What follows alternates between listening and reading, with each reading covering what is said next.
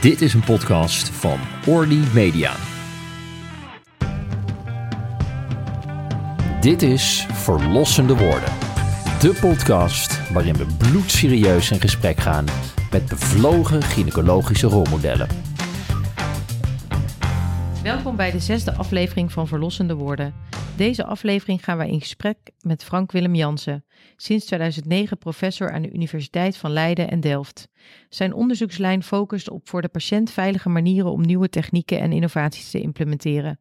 Ook richt hij zich op duurzaamheid in de zorg en is hij een van de grondleggers van de Groene OK. Hij is ook bestuursvoorzitter van Medical Delta. Frank Willem, welkom in onze podcast Verlossende Woorden. Dankjewel. Waar kom je vandaan en waar ben je opgeleid? Ik, ik kom uit. Uh, oh, dat is een, een leuke vraag. Ik, uh, ik, ik ben geboren in Nederland, maar ik heb een stuk van mijn jeugd doorgebracht op Curaçao. Uh, en vervolgens ben ik hier in Leiden, in Oesgeest, op school gegaan. En toen ik dat ge, dus na de school dacht ik, weg uit de Leidse regio, ik ga in Groningen studeren. Dus ik heb in Groningen gestudeerd. Toen heb ik mijn kooschappen weer op Curaçao gedaan.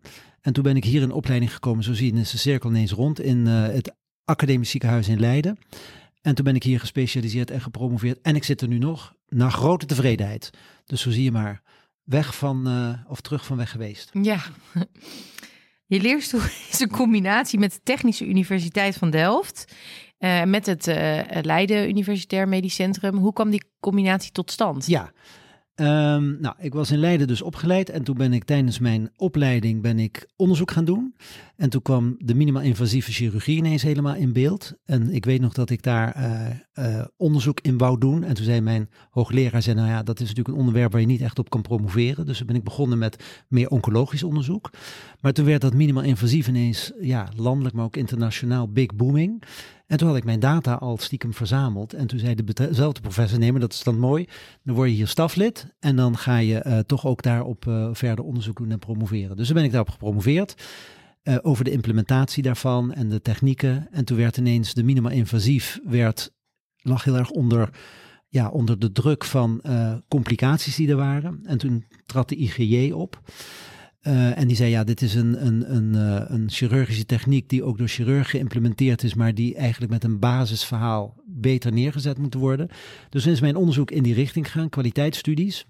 En toen ben ik uh, ja, bezig geweest om te kijken hoe kan je leren opereren. op een nette manier, op, op van die boxen die we nu hebben en dat dat veilig neergezet werd. In ieder geval, toen kwam ik in aanraking met de TU Delft. Dat deden ook zo'n soort onderzoek om dat mooier en leuker neer te zetten. En toen was er een onderzoeker die onderzoek deed en die vroeg aan mij van wil je dat in de TU ook wat meer naar voren brengen wat jullie als klinici doen. Dus toen ben ik bij Delft aangehaakt als dokter, zou ik maar zeggen.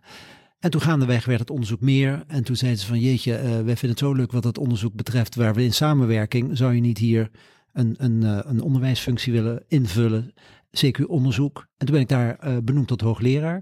Toen zeiden ze in Leiden, nee wacht even, dat moet dan hier ook. Dus ik ben zowel in Leiden als in Delft eigenlijk een van de eerste met een, ja, zo'n dubbele leerstoel. Dubbele aanstelling. Aanstelling. En in Delft en in Leiden met uh, als leerdoel de implementatie van nieuwe technieken en technologieën in het minimaal invasieve. Dus op een veilige manier dat te bewaken. He, want ingenieurs verzinnen wel eens wat. Dat heet technology driven. En dan zeggen wij als dokters van ja, dat is allemaal leuk, maar wat moeten wij daar precies mee? En om dat die kruisbestuiving beter te maken, doseer ik daar meer in het medische domein. Zo van, zo werkt de patiënt en zo, zo gaat het. Uh, zodat we meer clinically driven. Wat willen wij als dokters van de ingenieur graag terug hebben? Ja, duidelijk. En, en die minimaal invasieve chirurgie, focuste die dan op laparoscopische chirurgie of ook hysteroscopische allebei, chirurgie? Allebei. Okay. Dus gewoon de techniek, de technologie van laparoscopie, dus minimaal invasief, hè, waar hysteroscopie ook onder valt, in zijn brede, in, in, in, de, in, de, in de volle breedte, om zo te zeggen. Oké. Okay. En wat wel leuk is, ik begon, toen ik begon, toen ging ik dus alsmaar naar Delft toe en dan was ik enorm onder de indruk wat er allemaal plaatsvond. Maar op een bepaald moment dacht ik, het moet omgekeerd, dus ik heb de ingenieurs hier naartoe gehaald. Ja. Dus uiteindelijk zitten de ingenieurs nou op mijn operatiekamer mee te kijken. Wat doen jullie? Kan dat beter? Kan ik daarin uh, helpen ontwikkelen? Ja, slim. En, en geef je dan ook onderwijs in Delft ja. aan colleges. En ja. wat voor colleges zijn dat ja. dan? Dat zijn bijvoorbeeld colleges over uh, instrumentarium en apparaten, over de veilige bediening ervan. He, dat we niet zomaar elektriciteit in een patiënt kunnen jagen, maar dat daar uh, ja, veiligheidsmaatregelen aan moeten zitten. Dat instrumenten niet zomaar om een hoekje kunnen opereren. Dat wij ook een onderdeel zijn van de operatie, et cetera. En wat het leuke aan het hele verhaal is, vind ik zelf. ehm, we hebben natuurlijk een ingenieur en we hebben een dokter. En in de loop der jaren ehm, kwam naar voren dat we ook eigenlijk een nieuwe professie moeten neerzetten. En dat is de klinisch technoloog geworden. Ik weet niet of jullie eens van gehoord hebben. Ja, zeker. In Enschede is die opleiding. Maar toen die BIG geregistreerd moesten worden, hebben ze gezegd dat moet nog in een andere universiteitsstad ook. Heeft Delft opgepakt. En toen hebben we een studie neergezet, uh, klinische technologie, waarbij het curriculum zowel uh, medisch inhoudelijk is als technisch inhoudelijk. Dus de hele geneeskunde zonder de psychiatrie en de farmacotherapie zit erin als curriculum. En voor de werktuigbouw zit dat hele curriculum daarin, minus een aantal nou, andere dingen. En dat maakt samen een nieuwe professie en dat is een klinisch technoloog. Is dat nou hetzelfde als technische geneeskunde? Ja, ja, ja want de bachelor heet dan klinische technologie. En na die bachelor kan je zeggen, ik wil toch liever arts worden. Of ik wil toch liever ingenieur worden. Uh, of je blijft klinisch technoloog. En tot mijn ja, vreugde, en maar ook een beetje verbazing. Want ik dacht, heel veel mensen willen natuurlijk uiteindelijk dokter worden, net zoals ik. Maar de meesten willen gewoon klinisch technoloog blijven. Ja, ja. ja dat is uh, een belangrijke toevoeging, denk ik, uh, aan ons werk. Uh, iets anders. ik heb ook even op je LinkedIn-pagina gekeken. En daar zie ik dat je bestuursvoorzitter bent van Medical Delta. Wat is dat voor bedrijf? Ja, dat is niet echt een bedrijf. Dat is een, uh, een samenwerking in Zuid-Holland. Je hebt hier natuurlijk uh, nou, we hebben twee academische huizen, hè, Rotterdam en Leiden. We hebben de Technische Universiteit om de hoek. En we hebben ook universiteiten aan ons gekoppeld, waarbij kennis en kunde eigenlijk een beetje op elk domein apart bleef. Um, in Rotterdam kan je economie studeren, kan je Leiden niet. In Delft kan je niet uh, geneeskunde studeren. En die samensmelting van die bedrijven, zo maar zoals je net noemde, uh, hebben gezegd: wij kunnen van elkaars ken, kennis en kunde gebruik maken. Laten we dat samenwerkingsverband een officiële status geven. Dus dat heeft men de Medical Delta genoemd. En daar zitten dus de drie kennisinstellingen aan universiteiten in, plus de twee medische faculteiten. Dus de, uh, de EUR en het LUMC. Ehm, en de hogescholen zijn erbij aangehaakt. En we hebben um, als basis genomen dat er wetenschappelijk programma's draaien. En die worden met seeding money vanuit de kennisinstellingen uh, gefinancierd. En proberen die kennis hè, uh, van de TU met Leiden of de TU met Rotterdam of Rotterdam Leiden samen naar, de, naar het, uh, het werkveld, de zorg verder te zetten. En ons thema is het vinden van technologische oplossingen voor duurzame zorg. En het is hartstikke mooi, want we werken bijvoorbeeld een neuroloog werkt samen met de ingenieur. Nou, ik ben gynaecoloog. Ik werk ook samen met de ingenieur op minimaal invasief dan. Uh, nieuwe instrumenten ontwikkelen, nieuwe apparaten, veilig. Hè? Bijvoorbeeld de robot. Ik onderzoek dan wat is de meerwaarde van de robot. Hm. En de ingenieur denkt hoe kan ik die robot beter maken, kleiner maken, makkelijker maken, et cetera. Want daar heb ik weer behoefte aan. En is er al iets voorgekomen uit dat samenwerkingsverband waar, uh, waar je trots op bent? Ja, een heleboel. Onder andere die studie klinische technologie. Hè, want dat is dus de basis van eigenlijk de nieuwe professional in dit samenwerkingsverband. En dat, die gaat straks nou, verder in dit geheel. Um, ja, er zijn genoeg voorbeelden waar, waar, waar uh, dingen ontworpen worden die dus verdere implementatie hebben. En een voorbeeld is bijvoorbeeld, uh, ja, we hebben in de zorg hebben we heel veel zorg over het aantal mensen aan bed. En dan gaan we bijvoorbeeld ontwikkelen dat je dat via remote patient monitoring zou kunnen doen. Nou, daar betekent dat de ingenieur denkt, hoe kunnen we dat doen? Wij als dokters moeten weten dat dat kan. En daar is nu uh, e-health als voorbeeld van, of AI. Hè, dat zijn mm. voorbeelden waar, waar die samenwerking heel erg tot zijn recht komen. Ja, ja, duidelijk. En hoeveel mensen zitten er dan, zijn er nou betrokken daarbij? Of is het, want het gaat nu heel erg over instellingen, maar ja. als jullie een vergadering hebben, zit je dan met z'n vijf aan tafel? Nee, nee, nee. We hebben een bestuur en die zijn, uh, dat bestuur is een, uh, nou ik ben de voorzitter dan. Uh, je hebt een directeur van, het, van het, de organisatie en je hebt innovatiemanagers. Dat is eigenlijk het, het bureau, zal ik maar zeggen. Dan heb je Medical Delta hoogleraren. Dat zijn dus hoogleraren die zowel benoemd zijn aan twee faculteiten. Nou, ik behoorde tot de eerste generatie. Dus een benoeming zowel in uh, Leiden hier dan, en, mm. en aan de TU of in Rotterdam en TU of in Leiden, Rotterdam zo. En die bestrijken dus een bepaald veld. Nou, dan is er een wetenschappelijke raad waar al die Medical Delta hoogleraren in zitten. Maar ook weer de offspin van de PI's, hè, dus de Principal Investigators die dan wetenschap fabriceren of doen. En dan zijn er weer uh, promovendi die daaraan gekoppeld zijn. Nou ja, zo, we, we, ja, we hebben 900 aanhangers of zo. Okay, de okay. vergaderingen zijn ge, geselecteerd daarin. Nou, 900 aanhangers, dat, is, uh, ja. dat, dat, geeft een beeld. um, en dan heb ik je natuurlijk ook gegoogeld. Ja. En dan kom ik op www.frankwillemjansen.com. Ja, .com. Ja. En uh, deze website gaat helemaal niet over het klimaat en ook niet over innovatie ook niet uh, nou ja, over de TU Delft, maar een hele verrassende andere kant van jou. Namelijk beeldhouden. Ja. Um, kan je daar wat meer over vertellen? Jazeker. Uh, ja, van hobby tot, tot, tot, ja, tot een beetje meer. Um, ik heb als kind altijd, zat ik op tekenles. Ik moest dan van mijn moeder, moest ik allerlei, nou ja, voetballen en dat soort dingen. Maar dat vond ik helemaal niet leuk. Maar tekenles was in de roos. Dus dat heb ik van het begin af aan gedaan. En toen ik um, in opleiding kwam, en ik had in Groningen had ik ook, was ik lid van de, van de tekenclub. En toen ik in opleiding kwam, dacht ik, ik moet niet alleen maar opgeleid worden tot gynaecoloog, ik moet ook met mijn handen verder dingen werken. En ik ben driedimensionaal heel erg, uh, vind ik heel leuk. Dus toen ben ik beeldhouwlessen gaan nemen. Ja, en van, kwam het, van het ene kwam het ander. Dus ik ben ook beeldhouwer geworden. En ik heb een jaar heb ik de avondacademie in eh, Den Haag toen braaf gedaan uh, om te leren ja, hoe, hoe beeldhouwtechnieken gaan. Dus dat doe ik nu. En ik ben hier lid van de kunstenaarsvereniging in Leiden, Ars Amula. Dat is de oudste kunstenaarsvereniging. En die kennen jullie natuurlijk niet, tenzij jullie Jan Wolkers kennen. Die kennen jullie wel. Die was Ja. daar ook lid van. Ja, zo is een voorbeeld. Ehm, Moet je daarvoor solliciteren, een beeld in, inleveren of... eh, ja, ja, ja, dat is een ballotage om te kijken of je eh, gekwalificeerd bent om daar mee te kunnen. Nou, Ja. dat, dus ik ben beeldhouwer ook. Dan gaan we volgens mij nu eh, naar ons hoofdthema. Klopt.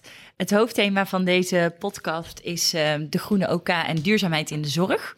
Eh, je bent een van de grondleggers van de groene OK. Wat wij ons afvroegen is wanneer eh, zijn je zorgen omtrent het klimaat begonnen of wanneer dacht je we- hier moeten we, we moeten iets gaan veranderen in de zorg? Ja. Nou, de zorgen in het klim- van het klimaat zijn er al langer. Want ik herinner mij dat ik toen ik op de middelbare school zat, moesten wij al werkstukken schrijven over de milieuvervuiling. Ik had toen volgens mij maar een, eh, een zes of zo voor dat werkstuk. En wij allemaal foto's verzamelen van viezige. En je had natuurlijk de Club van Rome, hè, waar eh, mensen hier in, eh, in, in Leiden ook in zaten. Ehm, dus die zorg is altijd wel een beetje geweest, maar niet zo bewust. En de eerlijkheid gebied, er zit hier een anesthesist die heel actief is, Hans Friedrichje. En die was in huis, hier in het ziekenhuis, erg bezig om een groene eh, green team op te richten. En die kwam naar mij toe en die zei van, eh, ik wil daar onderzoek in doen. En jij hebt contact met de TU Delft en ik denk dat het leuk is om daar iets in te verbreden. Nou, toen dacht ik, ja, dat, dat is een mooi onderwerp, want ik, mijn haren zijn grijs. Ik herinner mij dat toen ik opgeleid werd, werkten wij met reusable instrumenten. En wij hadden katoenen operatiejassen. Ja. En ik heb zien horen dat het allemaal wegwerp is geworden. En de industrie zei altijd dat is beter voor het milieu, want dan hoef je niet eh, te steriliseren, dan kan je meteen wegdoen en het is veilig. En dat gingen we allemaal geloven. Minimaal invasief is een mooi voorbeeld waar een heleboel disposables zijn gekomen. Dat denken we niet eens meer in reusables. Dus ik heb het zien verwoorden, zal ik maar zeggen. En gaandeweg, met ook de input van dat, dat groene, dacht ik, ja, wij, wij moeten daar wat mee. Ja. Ik weet de weg terug, tussen aanhalingstekens. Dus met de TU Delft en deze onderzoeker eh, is, me- is het aangezwengeld. Nou, dat is veel breder opgepakt. Dat is net als minimaal invasief. Hè. Daar ben ik ook mee begonnen, zou ik maar zeggen. Maar dat was ineens ook heel breed. Dat deed ineens iedereen. Nou, duurzaamheid ook. Dus dat was mijn zorg ook van, daar moeten we en kunnen we wat mee. Ja, dus dat is op, dat, op, op zo'n manier alsmaar meer meer geëngageerd. En in welk jaar was dit dan? Dit is alweer eh vier jaar geleden, drie, vier jaar geleden. Ja, tijd vliegt hè. Ja, in mijn gevoel zijn we nog maar een jaar bezig, maar we zijn alweer drie, vier jaar bezig. Met echt, met de groene OK hè, als, als eh, eh, vastgezet gremium wat ja, eh, statuur heeft om, om dingen neer te gaan zetten. En ehm, binnen de groene OK zijn er een aantal aandachtsgebieden of jullie hebben eigenlijk sub-aandachtsgebieden gedefinieerd. Kan je ons daarin Ja. in meenemen? Nou, de Groene OK, kijk, er zijn een heleboel initiatieven in Nederland, merk ik. Eh, eh, en dan even tot, de- tot de operatiekamer eh, gereduceerd, waarbij iedereen leuke dingen bedacht. En mijn insteek is een beetje, ja, heeft het nou zin om de plastic bekertjes weg te doen? Of heeft het zin om afval te scheiden? Of wat heeft nou echt zin? Meten is weten. Ja, dan kom ik een beetje toch aan de TU terug, waar ik, ja, mathematisch denker. Meten is weten, dus ik had heel erg het gevoel, we moeten dit meten is weten invoeren. Nou, in die OK, die groene OK, waar ik dan voorzitter van ben, hebben we dat ook ingevoerd. Eh, de werkvloer komt met allemaal leuke ideeën van, nou, het is denk ik goed om op de operatiekamer eh, gas van anesthesie weg te filteren. Als je literatuur kijkt, want het moet wel een beetje evidence-based zijn, dan zie je dat dat wel interessant is. Maar wat doen we dan met het restafval? En het is eigenlijk beter om niet met dampen te werken, maar met intraveneus, hè, propofol bijvoorbeeld. Nou, dus mijn doel is eh, met de groene OK van de werkvloer uit ideeën te hebben en van bovenaf dan uiteindelijk te definiëren van uh, zo zal je het moeten doen. En de bedoeling is, we hebben vijf pijlers opgericht. Eentje gaat over energie, eentje gaat over afval en plastic, eentje gaat over uh, anesthesiedampen en medicijnresten en eentje is de leidraad. En dan hebben we nog een vijfde eigenlijk toegevoegd, dat is de barometer om uiteindelijk alles weer te meten.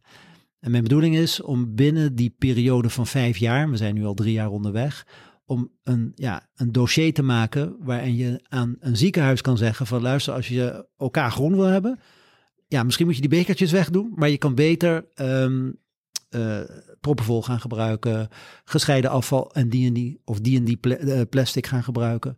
Er is een leidraad gemaakt voor protocollen waarbij je zegt van als je opnieuw chirurgisch iets wil doen, moet je ook aan groen denken. Hè? Moet ik een robot gaan gebruiken of juist niet? Nou, dat soort uh, elementen komen erin voor. Dus van bottom-up naar top-down iets definiëren. En dat loopt goed. Er zijn vele enthousiaste mensen aan boord, uh, vele ideeën. En die moet je soms een beetje kanaliseren. En soms ben ik dan streng, heb ik wel eens het gevoel dat ik denk, ja, maar het moet echt, we moeten iets neerzetten. En het leuke is, we hebben subsidieaanvraag gekregen, ook vanuit VWS, een groot bedrag, om dit te bewerkstelligen. Dus we zijn echt professioneel bezig. Mooi. Ja. Uh, en je gaf net al aan, we moeten wel evidence-based blijven werken. Wat mij wel eens uh, nou, wat ik heel bijzonder vind, is dat we eigenlijk heel veel dingen op de OK doen, helemaal niet evidence-based. Dus um, uh, qua hygiëne en, en het dragen van, van die wegwerpbare mutsjes. Hoe, hoe is dat dan, waarom is dat gekomen de afgelopen jaren? Waarom zijn we non-evidence-based niet duurzame dingen gaan ja. implementeren, denk je? Ja, eh, eh, protocolering. Ja. We zitten opgesloten in onze protocollen. Ja. En daar bedoel ik mee, ik heb gezien, uh, toen ik in opleiding was, uh, dan kwam je als assistent binnen en dan werd je door de hoofdzuster, zou ik maar zeggen, bekeken van, oh, er komt de jongste assistent binnen. Daar in de hoek mag je even staan. Uh, en dan had je het vertrouwen gewekt en dan ging het wel. En dan kwam de professor binnen en dan ging ineens iedereen buigen en de muziek ging aan die de professor graag wilde.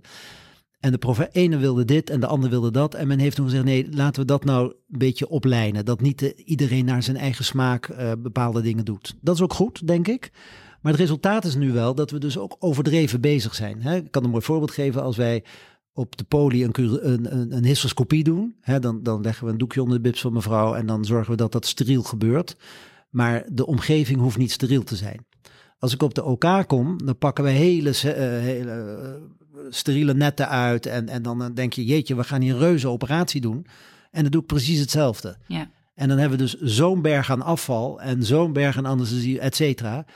Um, maar ja, als ik dan zeg dat kan anders, dan denken ze ja, dat is dan weer zo'n idee van zo'n professor. Maar wij werken in de protocollen. We zijn heel erg geprotocoleerd. We geven ook vaak de schuld met hele duurzaamheid aan de ziekenhuishygiënisten. Zeggen wel, ja, daar moeten we van wassen en dan moeten we dit. Maar als je het goed leest, doen wij overdreven rare dingen. Ja. We lezen niet goed. Dat, dat is het mooie van dat samenwerken, dat je dus naar elkaar luistert en denkt van wacht even, het klopt niet helemaal. En dingen kunnen ook anders. Hè? Dat is wel mooi met de laminar flow. We blazen dus uh, die OK's altijd met, uh, met overdruk. In coronatijd moesten ineens eigenlijk andersom. Ja. En als je tegen de technici hier zegt, jongens, die apparaten moeten eigenlijk s'avonds uit. Dan zeggen ze, ja, dat kan niet, want dan opstarten, bla bla. Dan denken we wel, dat nou, het zal wel. Maar in corona moesten ze eigenlijk de andere kant op blazen. Dat kon wel. Dus dan denk je, wacht even. Dus we moeten als professional meer in de lead zijn. Dat is wel een statement van mij. En kennelijk in gesprek gaan dus met, met andere beroepsgroepen. Ja. En niet zomaar geloven en goed lezen. Want wij nemen ook alles voor zoete koek aan van andere professionals. Maar dat je denkt, wacht even, klopt dit wel? Ja. Maar heel veel is ook routine. Hè? Want wat mij opvalt in het Antonie van Leeuwenhoek ziekenhuis... is toevallig tijdens corona een groot onderzoek geweest... over het dragen van mondkapjes door de omloop en ook door de anesthesie. En daar werd uh, een hele grote groep patiënten werd gevonden, want toen was er schaarste aan mondkapjes. Daarom werd het was eigenlijk zo werd dat onderzoek ja, geboren. Hoeft het ineens niet meer. Precies. En toen werd dat uitgezocht of er nou eigenlijk meer infecties waren bij die patiënten waar geen mondkapjes werden gedragen. En dat waren als echt waren echt veel patiënten en dat is ook gepubliceerd in het NTVG. Daar werd daar helemaal niet gezien. Nee. Maar nou ja, ik loop daar nu rond. Iedereen heeft een mondkap ja. op. Ja. Um, Kuddedieren zijn we. Hè? Ja, en hetzelfde geldt voor die borsteltjes. Hè. We Ja. weten nu uh, volgens mij uh, landelijk wel dat we die echt niet nodig hebben om handen te wassen. En eh, ik ben daar ook echt voorstander van dat we dat niet gebruiken. En ik sta gewoon We vandaag weer met die borstel in mijn hand. Ja, ja. Het is gewoon eh, Ja, zelfs zo worden we voor, opgeleid. voor jonge klaren, zeg maar, of jonge dokters. eh, zo snel maak je iets routine en dan sta je het dus gewoon te doen. Ja, ja. Nou, dat is een mooi. We hebben net hier het onderzoek afge- afgerond. Eh, eh, een promovendus doet daar ook onderzoek naar. Ik dacht altijd als maar de jongere generatie gaat mij vertellen hoe ik duurzaam kan zijn. ja. Maar het is helemaal niet waar. Ik moet als, als oudere moet ik het voorbeeld geven hoe de jongere generatie het, het, het echt het oude spreekwoord geldt. Zoals de oudjes zingen, zo piepen de jongen. Ehm, dus het, het, we, we moeten die borsteltjes zijn geïntroduceerd omdat wij vroeger in onze tuin werkten en aan de auto zaten en dan met de chirurg met de vieze handen. Maar dat hebben we niet meer. Dus we moeten die borsteltjes ook hebben. We denken niet meer na. We zijn geprotocoleerd. Ja. Ja. De vinkjescultuur. We kennen hem toch? Ja, Ja. ja. Maar we hebben dus voorbeeldfuncties eh, toch Ja. nodig om eh, in zo'n hiërarchische structuur als waarin we werken verandering te kunnen Maar ook hiërarchische structuur die we maken. Hè? Ja, Ik, ik ben, ik, ik kom uit een tijd, denk ik, dat we ietsje creatiever mochten zijn en nu meer ja, in vaste lijnen zitten van hoe het moet en eh, dat we vinden dat gevolgd moet worden. ja. Ehm, we weten dat eh, de zorg eh, voor 7% eh, van de totale CO2-uitstoot verantwoordelijk is in Nederland. Oftewel de gezondheidsparadox eigenlijk. Hè? Dus met Ja. wat we uitstoten zijn we ook onderhevig aan, ehm, eh, aan de klimaatverandering. Dat is, die uitstoot is bijna evenveel als de vliegtuigenbranche. Wa- waar, hoe komt het dat de zorg zo vervuilend is? Ja, nou een paar dingen. Ehm, we hebben natuurlijk een enorme berg aan afval geproduceerd, zijn we aan het produceren door onze hygiënemaatregelen. Ja. Eh, we gebruiken veel energie, hè? dat staat ook in een in de rapport van Gupta. Hè? Dus, en we, we gaan allemaal met, met, met de auto naar ons werk. We hebben hier uitgerekend dat gemiddeld woont de, eh, de, de, de medewerker geloof ik 40 of 30 kilometer van, van het ziekenhuis. Oké. Eh, we hebben hier een, een perron met een trein, maar de patiënten komen allemaal niet met de trein. Die weten dat dan niet of zo. Ehm, energiegebruik is er eentje. Ehm, nou ja, de medicijnen is natuurlijk op dit moment heel erg hip. Hè. We, we- tabletten die niet werken, die moeten we allemaal weer terug en worden vernietigd. Dus dat zijn allemaal factoren die, die een rol spelen. En de, en, de, en de zogenaamde hygiëne met afdekdoeken en de hele bliksemse boel. Ja. Ehm, we produceren gewoon te veel. Ja. Je had het net al even over, je houdt je met name volgens mij bezig met eerder het hooghangend fruit dan het, dan het laaghangend eh, fruit. Ehm, zijn er toch een soort van quick wins die je zelf op de afdeling bewerkstelligt? Of eh, laat je dat eh, aan de jo- jongere garde bijvoorbeeld over? Ah, nou, ik, ik heb me in het begin heb ik me inderdaad even op de laagfruit ook georiënteerd. Ehm, en dat is dan het meten is weten, vind ik belangrijk. Want dan denk ik, ja, heeft het nou zin om inderdaad die plastic bekertjes niet te doen? Dus toen ben ik al gauwer, en dat past een beetje ook in mijn leeropdracht, hè, implementatie van nieuwe technieken, daar staat Ja. duurzaamheid ook onder. Ik wil die ingenieur bijvoorbeeld uitdagen, ehm, ontwerp nou opnieuw. Ontwerp die weggooi spullen in eh, ja, of modulair of in reusables. En omdat ik in die positie zit, denk ik ook dat ik daar iets mee kan doen. Dus ik heb een beetje, ja, klinkt misschien wat arrogant, maar het lage hangende fruit, denk ik, dat komt allemaal wel. Er moeten ook mensen zijn die het hoger pakken. En dan zie ik dat dat hoger pakken, hoe moeilijk dat is.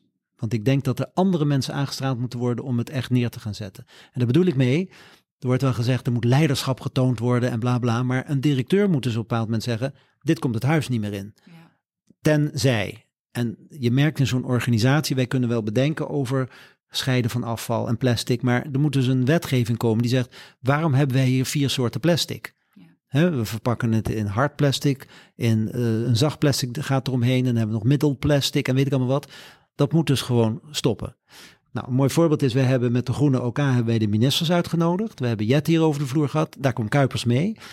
En toen heb ik ook gezegd, dat als een minister op bezoek komt, moet je natuurlijk altijd eh, een boodschap hebben. En je moet natuurlijk iets vragen aan het ministerie. Mhm. Dus ik heb ook gezegd, ik vraag geen geld, maar ik vraag dat jullie meehelpen die regelgeving, wetgeving op dat niveau te veranderen, ook in Brussel. Hè, want de industrie verschuilt zich achter wetgeving die zegt, ja, maar we moeten het zo aanleveren. En het is een single-use instrument. U mag het niet twee keer gebruiken, want dan is het een andere verantwoordelijkheid. Ja. Nou, dat kan best, weten we. Want we weten allemaal, we gebruiken een instrument, doen er één knipje mee, en dan ja, niet meer, dan gooi je hem weg. Die kan je hersteriliseren. Dat doet hij nog net zo goed. Alleen ben ik dan verantwoordelijk, dat wil ik natuurlijk niet. Dus die re- regelgeving moet veranderen. Je hebt eigenlijk het idee van, we hebben eigenlijk vanuit boven, eigenlijk vanuit de regering gewoon strengere wetten nodig en dan komt die innovatie eigenlijk vanzelf. Want als, het, als dingen niet meer mogen of dingen moeten, dan gaat er ook echt pas wat veranderen. Ja, maar je zegt wel iets interessants. Waarom maken we niet makkelijkere wetten? Minder streng. We zijn zo streng. Ja, Misschien is precies. duurzaamheid eh, dat dat niet loskomt omdat we ons ingepakt hebben in al die strenge wetten. Misschien moet je zeggen, laat het los. Maak het makkelijker. We maken het allemaal zo moeilijk. Ja, ik begrijp Die namelijk- borsteltje voorbeeld, dat, dat is een wet, lijkt het wel. Zitten we allemaal te borstelen, terwijl we denken dat moet niet. Ja. Als we nou zeggen, jongens, eh, je moet steriel hè, je handen wassen. En we hebben uit onderzoek blijkt dat gewoon handen wassen al voldoende is met alcohol. Prima. Nee, vier minuten wassen. Het zal allemaal. Ja. Maar we moeten de wetten, ik denk omgekeerd. Ja, het moet makkelijker worden. We moeten, mak we moeten nadenken. Maar je zegt net zelf ook, je moet eigenlijk ook zeggen, sommige dingen komen het ziekenhuis gewoon niet meer in. Ja, dat is dus ook een loslaten van de wet. Als u het zo doet, dan, dan hebben wij het niet meer nodig. Ja, Ja. En vind je dan ook dat we eh, inkoop van bepaalde dingen duurzaamheid moeten laten meespelen? absoluut. Absoluut. Duurzaamheid is eigenlijk de nieuwe, ja, het nieuwe eh, buzzword, maar ook het, het waar we op moeten handelen. Als het niet groen is, maar mensen moeten het duidelijk maken, want de industrie verbergt zich er nu achter, die laat zijn cijfers niet zien. Of ze doen aan greenwashing.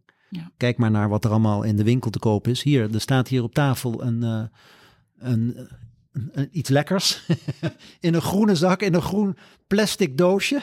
Ja. En dan denken we allemaal, nou, dat ziet er wel sustainable uit. Maar het is van papier, het is van plastic, we gooien het straks allemaal weg. Ja, Ja. ja. zo zijn we bezig. Ehm, we waren ook op bezoek bij, eh, bij collega Veersema. Eh, en die had ook een vraag eh, ehm, geformuleerd. Eh, en dat gaat een beetje over het spanningsveld. En dat past denk ik wel heel erg bij, je bij je leerstoel en eh, wie je bent. eh, tussen opleiden en duurzaamheid. Ehm, zijn idee is, als we opleiden, dan is de OK-duur langer. Een langere OK-duur is meer gas of meer Ja. anesthesie. En daarmee per definitie minder duurzaam. Hoe moeten we nou omgaan met het, dit spanningsveld, vind jij? Nou, ik, ben het met, met eh, Bas helemaal eens, maar ehm, zo is het niet helemaal. Want daar heb ik dan wel onderzoek naar gedaan. De implementatie van minimaal invasief is niet zo dat een dokter maar op een patiënt dooropereert omdat hij het moet leren. Dan neemt een, een, een supervisor neemt het over. Ja. En dat weet jij ook, als, je, als ik jou leer opereren, dan de eerste keer doe je dat te lang over iets. En hè, bijvoorbeeld een knoop, het, het hechten Ja. van de, bij lapscopie, dat is ongelooflijk moeilijk. En dan in de eerste keer leg jij één hechting. En dan ben jij, moeten we je voorhoofd al deppen. Ja. Ja? De tweede keer leg je twee hechtingen. Maar, want ik neem het bij de eerste hechting van een kwartiertje neem ik het over. Ik ga jou niet drie uur laten hechten. Nee. Dus ik ben het Bas helemaal eens, maar voor zoveel eh, time consuming laten wij niet toe. Ook naar de patiënt niet. Hè, je kan moeilijk zeggen, mevrouw, je bent drie uur geopereerd, ik doe het in een kwartiertje. Dus ik denk niet dat het helemaal waar is. En ik heb er onderzoek naar gedaan dat de tutor neemt het over. En de, de leerling, eh, ja, die, die, dus dat zijn kruisende lijnen. Dus er is geen spanningsveld. Ik vind het geen spanningsveld. Eh, Ik denk niet dat je uit duurzaamheid kan zeggen van, weet je, eh, nou, nou ga ik het jou niet meer leren. Nee, ik denk dat we dat bewaken. Dat is, dat is in ons hele vak. Je neemt het over op een bepaald moment. Ja. Als iets lang duurt, weten we allemaal op de verloskamer ook. Dat je zegt, nou, ik neem het nou over, want die stuit komt er niet uit. Laat mij eens even dat overnemen. En nou, fijn. vind je dan dat duurzaamheid voldoende aan bod komt bij ons in de opleiding? Nee. Dus daar is wel een niet. spanningsveld. Nou, dat is wel interessant, want daar denk ik ook over na. Hoe kan je duurzaamheid nou eh, eh, eh, onder de aandacht brengen? En dan ben ik hier in een academisch milieu en een ziekenhuis helemaal op mijn plaats. Want ik geef college aan de tweedejaars studenten over gynaecologie. En daar heb ik, dat is twee uur. En ik heb het in de afgelopen jaren opgeknipt. Eentje in kennis over gynaecologie en de tweede over implementatie en duurzaamheid. En ik zie aan de studenten dat dat tweede deel op een paar na niet goed beklijft. Nou kan ik misschien een saaie verteller zijn of ik kan het niet goed over het voetlicht brengen. Maar studenten willen leren. En die denken, ja, het zal allemaal wel. En ik weet niet wat een operatiekamer precies is. Dus ik denk dat je dat naar de master moet brengen. En dan hangen ze aan je lippen. Want dan is het, het duidelijk waar het over gaat. En het tweede is, ik denk dat wij als artsen moeten leren over planetary health. Waar zit het in? Hè, wat is CO2-belasting? Eh, meer, wat zijn de gevolgen in het medisch domein dat hier de tigervlieg komt of de malaria-mug? Ja. Omdat het milieu, hoe komt het dat het zo opwarmt? Dus ik vind dat we eigenlijk in die bachelor meer bazaal wetenschappelijk eh, college moeten geven over duurzaamheid. Nou, eigenlijk wat houdt je eet in? Hè? Want Ja. je gaat een eten afleggen en je hebt hier straks een Nijlvirus. Eh, Maar hoe komt dat, eh, hè? Hoe- Oversterfte door, eh, door gewoon hittegolven. Hoe komen algen, waarom wordt het water allemaal met alcohol? Ja, Ja. en dus wij hebben ook echt de gevolgen in het ziekenhuis van dat de aarde opwarmt. Dus maar dat heet dus meer planetary bewust- health? Ja, Ja, dan dat ik nou alleen maar over duurzaamheid ga praten. Over dat eh menstruatiecupjes beter zijn dan misschien, hè, dat soort dingen. Je moet het meer bazaal oppakken dat wij, dat wij als artsen kennis hebben waar we over praten. En niet alleen maar over de, ja, over de kleine dingetjes. Ja, en een gezamenlijk doel misschien wel. Ja. Want hoe krijgen we nou onze beroepsgroep en collega's meer mee? We hebben natuurlijk binnen de NVOG ehm duurzaamheidscommissie Guinea Goes Green. Ehm en ieder ziekenhuis is inmiddels een duurzaamheidsambassadeur. Ehm zijn later weer met z'n allen samengekomen en dan komen er weer heel veel ideeën boven. Ehm, toch voelt het alsof dingen heel traag aan het bewegen zijn en merk je toch ook nog steeds wel weerstand. Eh, mensen hechten aan hun kroketje op congressen. Hoe, hoe, hoe kunnen we de, de logheid misschien Ja. versnellen, denk je? Of Ja. wat is dat? Nou, dat is een lastige, want ik heb ook elke keer dat ik denk we zitten in de awareness fase. En dan ben ik zelf wel naar de do-fase. Ja. En dan zie ik dan weer terug als ik dan weer, eh, hè, want ik ben dan voorzitter, dan merk ik aan het publiek, die willen nog heel erg graag ook over de awareness hebben. Ik ook hoor, ik ook. Maar ik loop soms een stapje voor. En ik zie dat het een langzaam proces is. En ik zie ook dat mensen zeggen: ja, maar hoezo duurzaamheid en gezondheidszorg? Eh, We hebben toch patiëntveiligheid en daar moet je gewoon zo in doorgaan. Dus ik denk dat we nog wat slagen hebben om te vertellen dat wij als dokter zorgen voor die patiëntveiligheid. En niet dat wij duurzaamheid implementeren ten, ba ten koste van. Ja. Maar we moeten wel meer discussie hebben over hoe ver gaan we in bepaalde zaken. Hè, moet, moeten we eh, de duurzaamheid, eh, eh, hoe, heet, hoe heet het nou, de, de, dat je bijvoorbeeld zegt, de kans op infectie is 0,9 procent, dat is heel laag, maar het moet naar 0,8. Ja, Vinden we dat dat moet? Of dat je zegt, nee, weet je, daar gaan we niet meer op letten, we gaan nu op duurzaamheid letten. ja, Ik denk dat die discussie bij de dokter ook wat moet aanslaan, want we zijn heel erg opgeleid in veiligheid en het kan nog veiliger en we accepteren niet dat er, nou, bijvoorbeeld een infectie is hè, of, of andere dingen. ja. Maar die discussie moet op een bepaald niveau gevoerd worden. En ik denk dat we moeten blijven stralen in die awareness en dan gaan we vanzelf wel naar de doelfase. Hoop ik, hoop ik. ja. En ik geloof, ik geloof ook in degrowth. Ken je die term? Nee, Nou, degrowth is dat, en dat je zegt van, weet je, we zitten zo hoog in ons niveau van welvaart, het kan een tandje minder. ja, Eh, het kan, het klinkt een beetje zoals vroeger. Hè, dus eh, dat je zegt, eh, we hebben niet altijd die auto nodig. En we, hebben, ja, we kunnen ook met, met andere zaken aan de slag. We moeten een beetje ontgroeien. Tot nu toe was altijd het ziekenhuis die zei, dit jaar mag je 3% groeien. Dacht ik altijd, hoe kan je nou een zorg groeien? We doen toch, we willen toch mensen helpen en doen. Hoe kan je nou groeien? Nou, dat soort termen. En dan komt passende zorg komt de hoek kijken. Ik denk passende zorg, duurzaamheid past heel goed bij elkaar. En dat heeft een beetje met soms een, een tandje terug. Ja. En we zijn heel erg kwalitatief goed bezig. Maar soms denk ik wel eens, we zijn in de fase geraakt van nou ja, betutteling, overkill aan, aan wat we allemaal kunnen en doen. en extreem risico-avers. Wat... Natuurlijk, Ja. mag niet fout gaan. Nee, Nee, niet dat ik erop aanstuur om fout te laten gaan, maar, nee, maar sommige dingen moet je accepteren. En inderdaad, die 0,9 versus 0,8, moet dat dan? ja. Of zeg je nou is het klaar? Ja. Dat, dat vraagt dus bijna om een mentaliteitsaanpassing van Ja. ons als beroepsgroep. Ja, Ja, de lineaire economie moet naar een circulaire economie. Nou, dat betekent dat ja, we andere verdienmodellen moeten krijgen. Hè, passende zorg geldt daar ook onder. Wij zijn als we met DBC's bezig. Moeten we niet afgerekend worden op een patiënt die gezond is uiteindelijk? Hè? Dat we zeggen, nou dokter, Ja. compliment. En nu krijgen we geld als we wat doen. Ik bedoel, ja, het, het, het ondernemerschap moet een andere kant op. En dat kan. Ik vind eh, eh, Elon Musk een mooi voorbeeld, die met de elektrische auto begon. Dat iedereen zei, ja, maar wacht even. eh, nou, dat is nu de rijkste man nu. ja, is een voorbeeld van een stukje economie waarbij je zegt van, hé, hey, het kan dus ook anders. Ja. En ik denk dat we op allerlei niveaus, ja, we zijn aan de top. En dat is, dat is, dat dat- daar moeten we over nadenken. ja. Tijd We eten- degrowth. Ja, Ja, en we eten onze aarde daarbij op. ja, En moet dat dan? ja. Dat is lastig. Want ik wil ook eigenlijk naar Thailand en ik wil ook nog een keertje.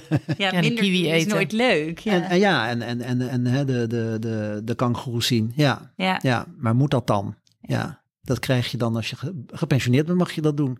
maar niet als je nog net in de, in de banken zit. eh, ja. Want ehm, laat je wel eens je groene stokje vallen? Ehm, ja.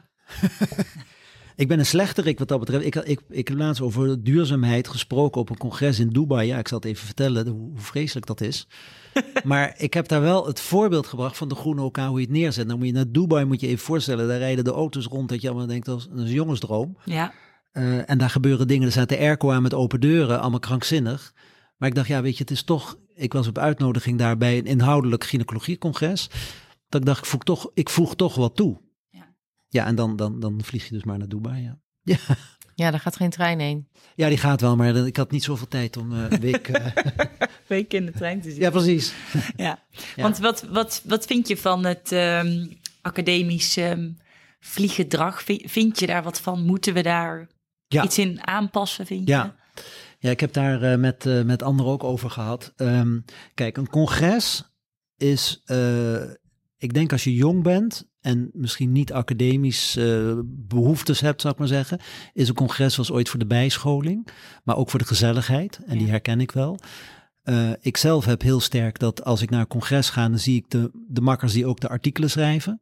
Je ziet je, hè, je peers. En dat heeft ook een netwerkfunctie in eh, ja, naar de patiënt toe. Hè, van hoe behandel je bepaalde zaken. Lekker over discussiëren, eh, andere meningen. Ja. Zien dat het in de wereld ook anders verdeeld is.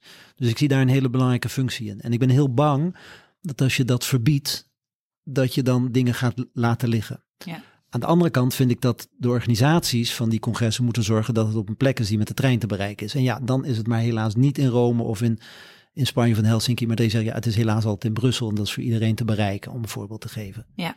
Dus ik denk dat we er zeker over moeten nadenken.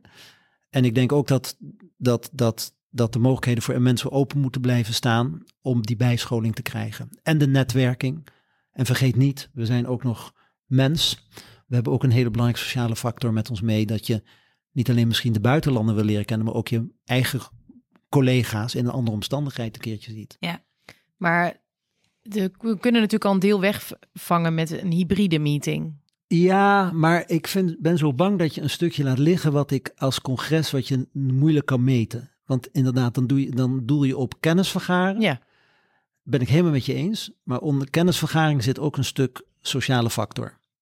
en dat is dus niet waar we met minder genoegen moeten nemen. Dat vind ik een hele lastige, omdat ik degene bijvoorbeeld in het wetenschappelijke stuk ook persoonlijk ontmoet en zie van, wacht, dat is een betrouwbare vent of een vrouw waar ik ook een keer een student naartoe kan sturen of een onderzoeker. Ja. Het is het netwerken wat je op sociaal niveau doet. Hè? Ja, Als ik iemand heb gezien en gesproken, misschien een keertje aan de bar of bij de koffie, dan heb je een ander gevoel dan dat je iemand alsmaar op artikelen zit te lezen. ja dus dan voelt het alsof er een soort hoger belang is.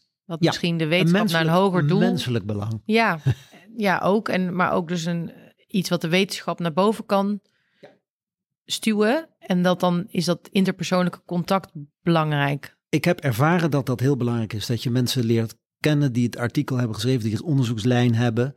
En dat heeft weer zijn spin-off naar, naar een jongere generatie als jullie. Hè? Ja. Ik hoorde net dat jij een, eh, een, een stage in het buitenland hebt gelopen. Dat is ook de persoonlijke contacten. ja, nee, dat is ook Want mijn telefoontje dan naar die bevriende collega voor een, een fellow, ja, dat, dat, dat is dan het, de, keer, of de, de meekeerzijde. Ja, eigenlijk is opnieuw de boodschap ehm, dat van hogeraf de organisatie misschien anders moet zijn. Hè? Wat je zegt, dat het centraler is in Europa, beter te bereizen. ehm, en, en dat we nou, het belang van de sociale contacten dan daarmee zeker eh, kunnen blijven behouden. Ja, Dan zou ik harder aantrekken dan verbieden te gaan. Ja, ja. Ik denk eh, dat dat, dat heel, heel mooi is en ehm, een beetje de boodschap eh, lijkt te zijn. Hè? Dus van bovenaf een betere organisatie. Eh, mooi. Welke ontwikkelingen verwacht je of hoop je nog ten aanzien van duurzame maatregelen? Ehm, ik denk wat ik, ver, nou, ik verwacht een heleboel. Ik denk dat de maatschappij in een heleboel facetten en even over, als we het even alleen op het medische terrein houden, een heleboel laaghangend fruit nog heeft te beslechten. En aan ondertussen moeten werken aan dat hogere doel met het definiëren waar het dan aan moet voldoen. Dus wat verwacht ik is dat ziekenhuisdirecteuren, ministers ons gaan helpen wat wij van de werkvloer, zou ik maar zeggen, zien en aandragen gaan verzilveren. Duidelijk. Ehm, Misschien een sky high doel, maar Ja. het moet. ja, dus Ja. er moet echt van top-down toch, Yes. toch eh, Definiëren wat wij de definiëren wa- Ja. wat, wat we moeten bewerkstelligen. Ja. Nou, volgens mij moeten we in eh, 2050 klimaatneutraal of eh, CO2-neutraal eh, zijn als eh, zorg. Dus eh, we hebben die, We- we dat, hebben dat doel hebben we in ieder geval Ja. eh, eh, gesteld gekregen. Ehm, nu hoorde ik dat ehm, de uitnodiging voor je afscheid al is rondgestuurd. Oh joh. ja. En eh, eh, als ik je zo hoor, dan is er eigenlijk nog heel veel werk aan de winkel. Wat hoop je voor de volgende generatie? Of wat zijn je angsten? Oh jee, dat zijn twee vragen. Ik hoop Ja. positief en mijn angst is het negatieve. Maar ehm, nou, ik zou je zeggen, ik lig lekker op stoom hoor. Dus ik, eh, ik neem wel afscheid als eh, dokter. Hè. Ik ben Klinicus? klinicus. Maar ik heb nog een hoop dingen aan te stralen over eh, een aantal onderwerpen. Hè. Zo promovendi die ook op duurzaamheid promoveren. Wat ik hoop is dat men de boodschap verstaat en dat men inderdaad overstag gaat. Want er zijn dus ook nog steeds mensen die zeggen, ja maar gezondheidszorg en duurzaamheid, laat dat maar zo lekker sudderen, want nou ja, dat is de veiligheid. Eh, mijn angst is ehm, ja, dat we de volgende generatie, en dan kijk ik een beetje naar jullie, opzadelen met een puinbak. Mogen jullie het opruimen. En ik heb genoten. dat, is, dat is toch niet helemaal eerlijk. Dus dat is wel een beetje mijn angst van wat laten we zomaar achter. En ja, ik zeg even als, ook als ouder, hè, eh, dat ik denk van ik heb mijn kinderen ook verwend. Ik ben door mijn ouders ook verwend. Op een ander niveau zou ik maar zeggen. Maar iedereen wil zijn kinderen verwennen. Maar je ziet, ik ben bang dat je straks niet meer kan verwennen. En dat is toch wel een zorg een beetje.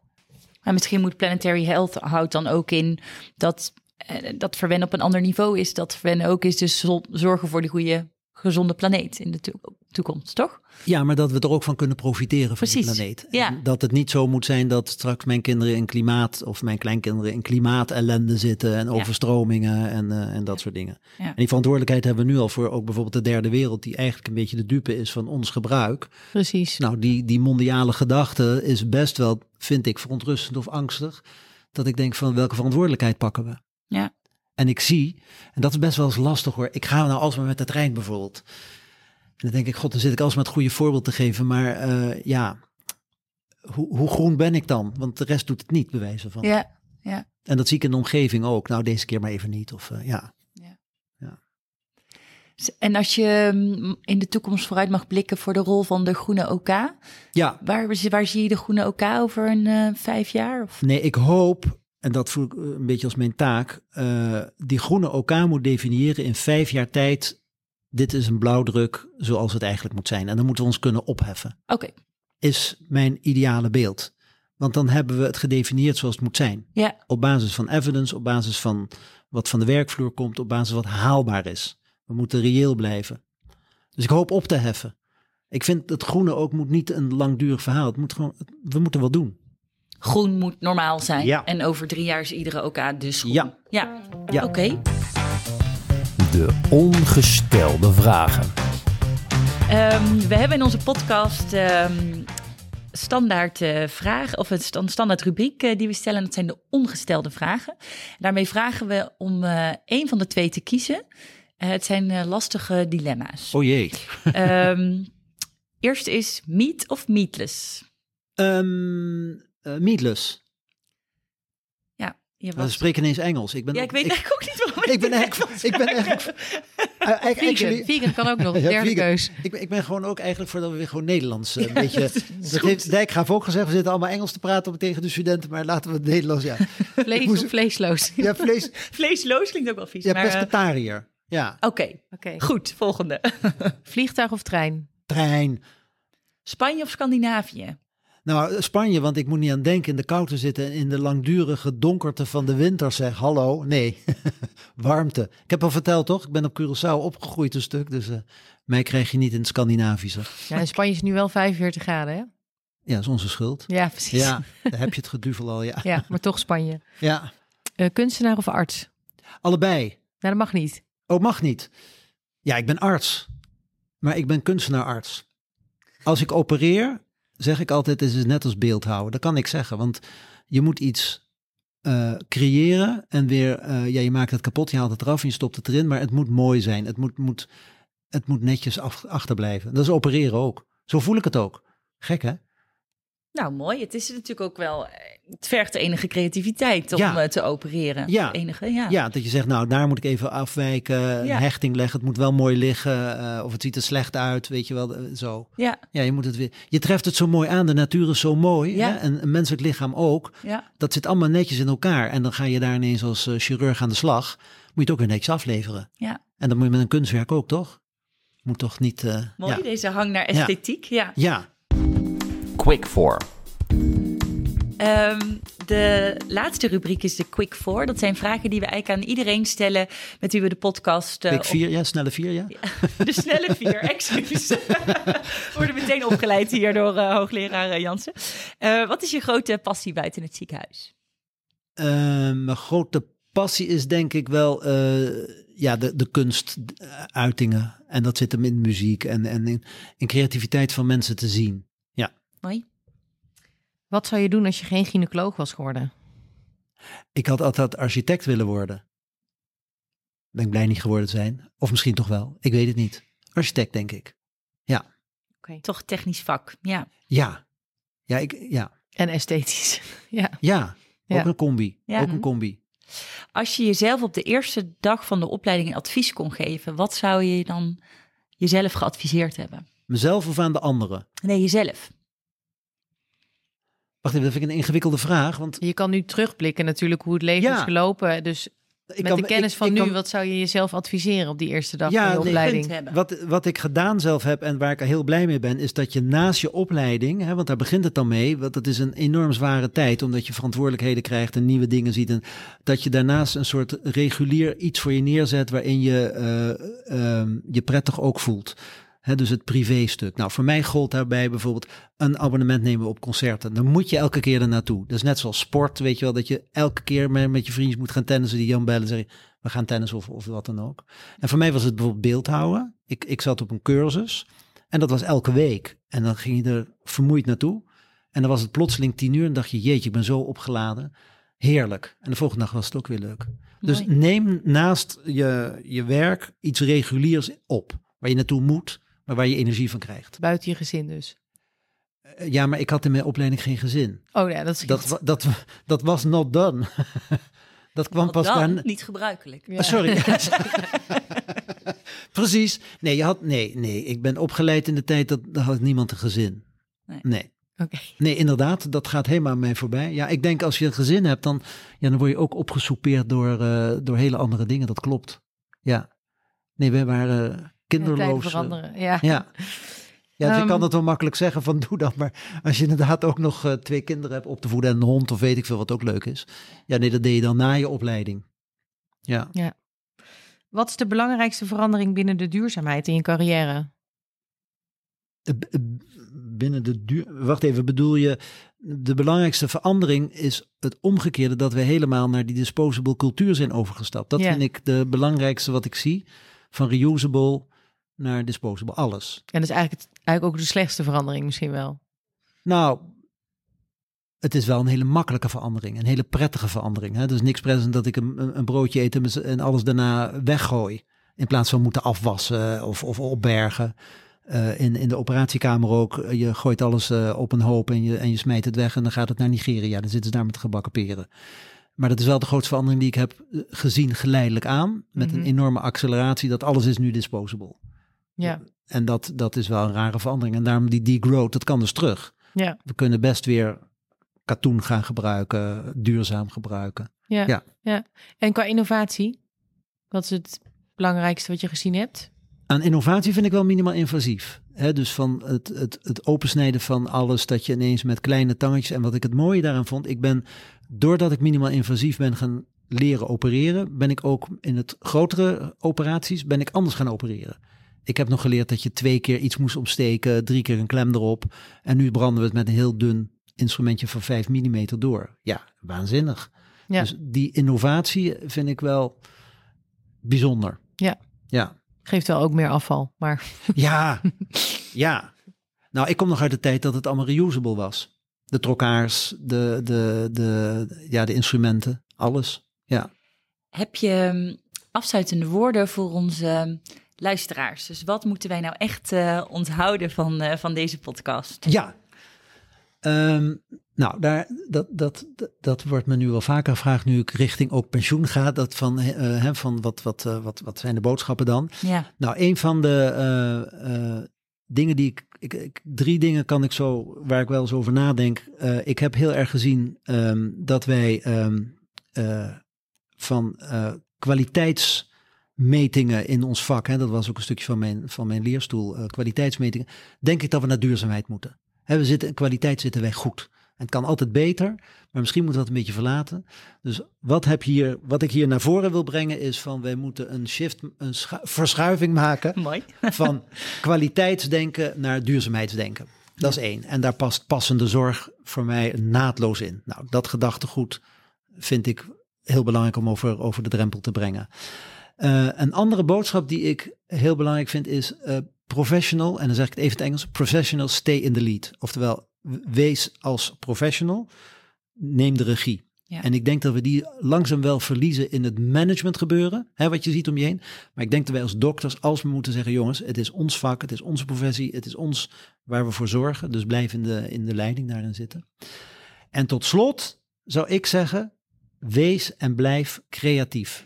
In je gedachtegoed, in je behandeling, een stuk autonomie.